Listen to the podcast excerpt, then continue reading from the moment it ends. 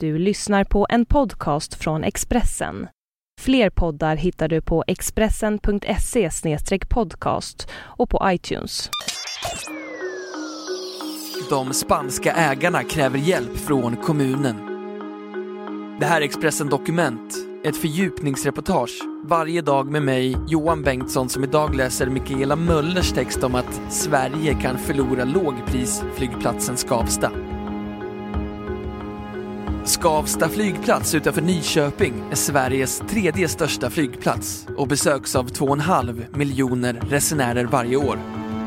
Men flygplatsen hotas av nedläggning sedan de spanska huvudägarna krävt att Nyköpings kommun ska kompensera för minussiffrorna och betala nya renoveringar.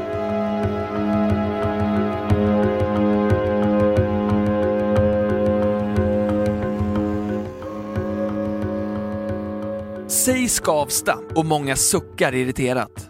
Men den något otillgängliga flygplatsen, sju kilometer nordväst om Nyköping och nästan en och en halv timme från Stockholm med flygbuss, lockar ändå två och en halv miljoner resenärer från när och fjärran varje år. Skavsta är lågprisflygens bas i Sverige och landets tredje största flygplats efter Arlanda och Landvetter. Skavsta, som är en av få privatägda flygplatser i Sverige, hotas av nedläggning. Huvudägarna TBI, en del av den spanska koncernen Abertis, äger 90,1% av flygplatsen. Företaget kräver att Nyköpings kommun, som äger resterande 9,9%, går in med mer pengar. Skavsta går med förlust och är i behov av upprustning. Huvudlandningsbanan måste renoveras inom de närmsta 36 månaderna. Ett projekt i 100 miljoner klassen. Om inte Nyköpings kommun betalar kan det bli tal om nedläggning, hotade TBIs VD Carlos Del Rio i ett brev till kommunstyrelsens ordförande Urban Granström i höstas.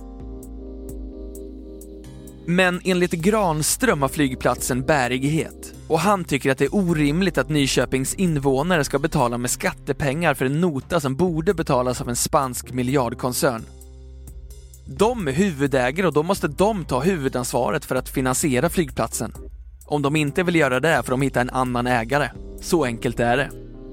Och när man är intresserad av att gå ur, då är man också intresserad av att hitta en ny ägare, säger han.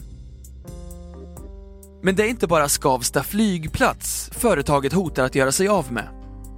Abertis, som även är stora vägtullsoperatörer och i telekombranschen, överväger att sälja hela sin flygplatsdivision. Enligt Financial Times är koncernen hårt skuldsatt efter investeringar i vägtullar i Latinamerika. Flygexperten Rickard Björnelid tror att en potentiell köpare kunde vara ett annat internationellt flygplatsföretag.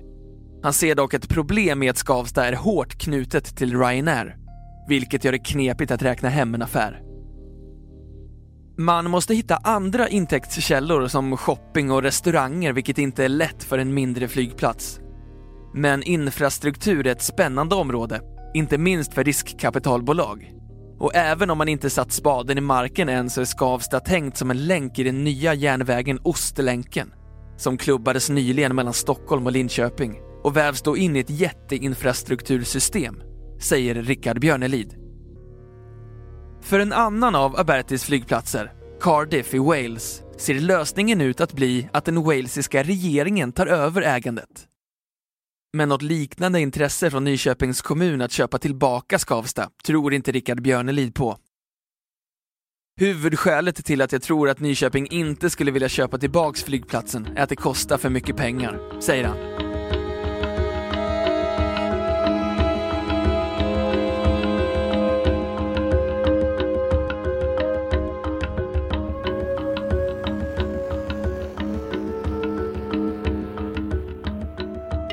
Dessutom hägrar ett annat orosmoment. EU utreder för närvarande om kommuner som är delägare i flygplatser även i framtiden ska få ge ekonomiskt stöd, eller om det räknas som otillåtet statsstöd. Det är en komplex diskussion som leder till stor osäkerhet, vilket också påverkar tankarna kring Skavsta. I vågskålen ligger frågan om vilka flygplatser som kan vara kvar om det inte är tillåtet.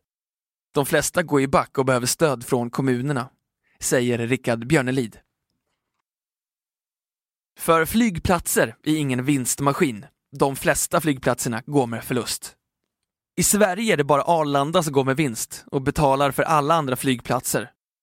Landvetter går runt, men andra går med förlust.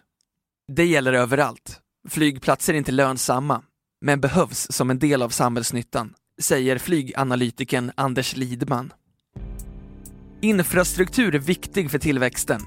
Även om flygplatserna går back så gynnas regionen, vilket gör att det ändå kan vara värt att driva flygplatsen eftersom den stimulerar den generella ekonomin. Om regionen äger flygplatsen kan det vara okej okay att den går lite back, för det kommer in pengar på annat håll, tack vare flygplatsen. De får in pengar från hotell, krogar och gäster, säger Anders Lidman. Enligt Nyköpings kommunstyrelses ordförande Urban Granström skulle det drabba regionen hårt om flygplatsen stängdes ner. Det handlar om 300 arbetstillfällen och 2,5 miljoner passagerare.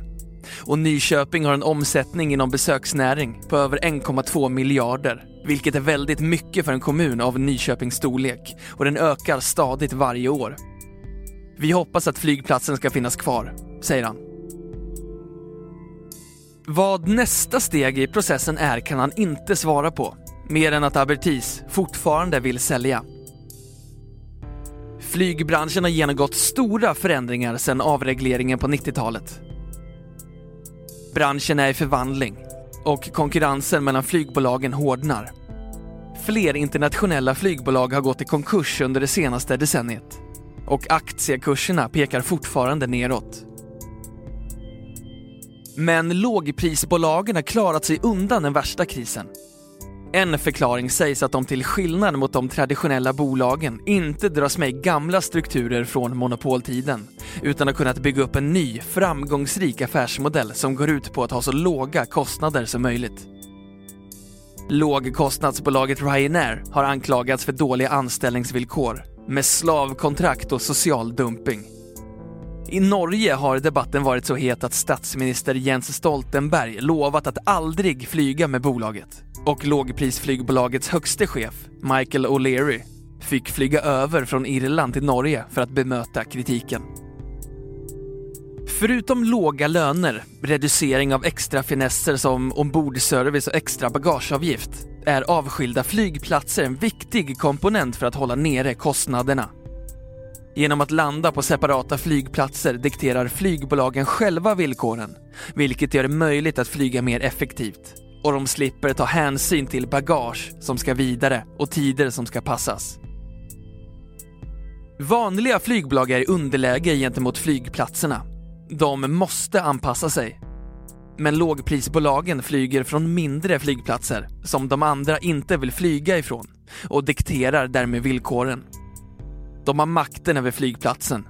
För de andra är det tvärtom, säger Anders Lidman. Passagerarna som reser med lågprisbolag får anpassa sig till var och när flygen går. Det är mer kostnadseffektivt, vilket gör att biljetterna blir billigare. Ryanair och de andra lågprisbolagen är som en buss jämfört med andra flygbolag, som är mer som taxibilar och anpassar sig efter dig och dina behov, säger Anders Lidman. Rickard Björnelid tror inte att Skavsta flygplats kommer att läggas ner. Även om det faktum att Ryanair dominerar flygplatsen försvårar situationen. Ryanair är precis inte känd för att släppa till några kronor i onödan. Men jag har väldigt svårt att tänka mig att Skavsta flygplats skulle gå upp i rök, säger han. Du har hört Expressen Dokument ett fördjupningsreportage om att Sverige kan förlora lågprisflygplatsen Skavsta av Mikaela Möller, som jag, Johan Bengtsson, har läst upp.